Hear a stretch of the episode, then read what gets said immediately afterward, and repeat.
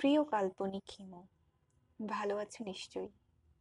হুমায়ুন আহমেদের হিমু বলে তোমাকে সম্বোধন করি, তুমি কি রাগ করো? আচ্ছা তোমাকে মনে পড়ে আমাদের প্রথম পরিচয়ের কথা? এক ঝড়ের আলসি দুপুরে আমি নীল শাড়ি পরে হেঁটে যাচ্ছিলাম আনমনি।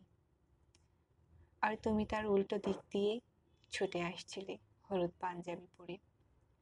যেন হলুদ পাঞ্জাবিতে তোমায় খুব অপরূপ লাগছিল।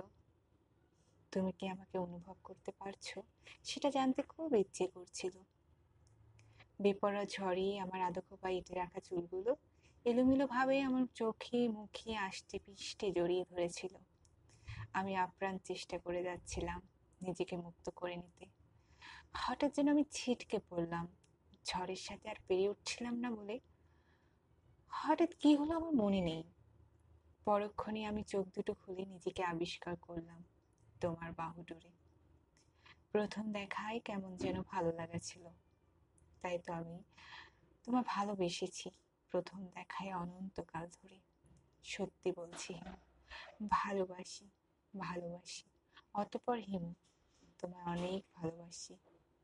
তোমার প্রিয়দর্শিনী।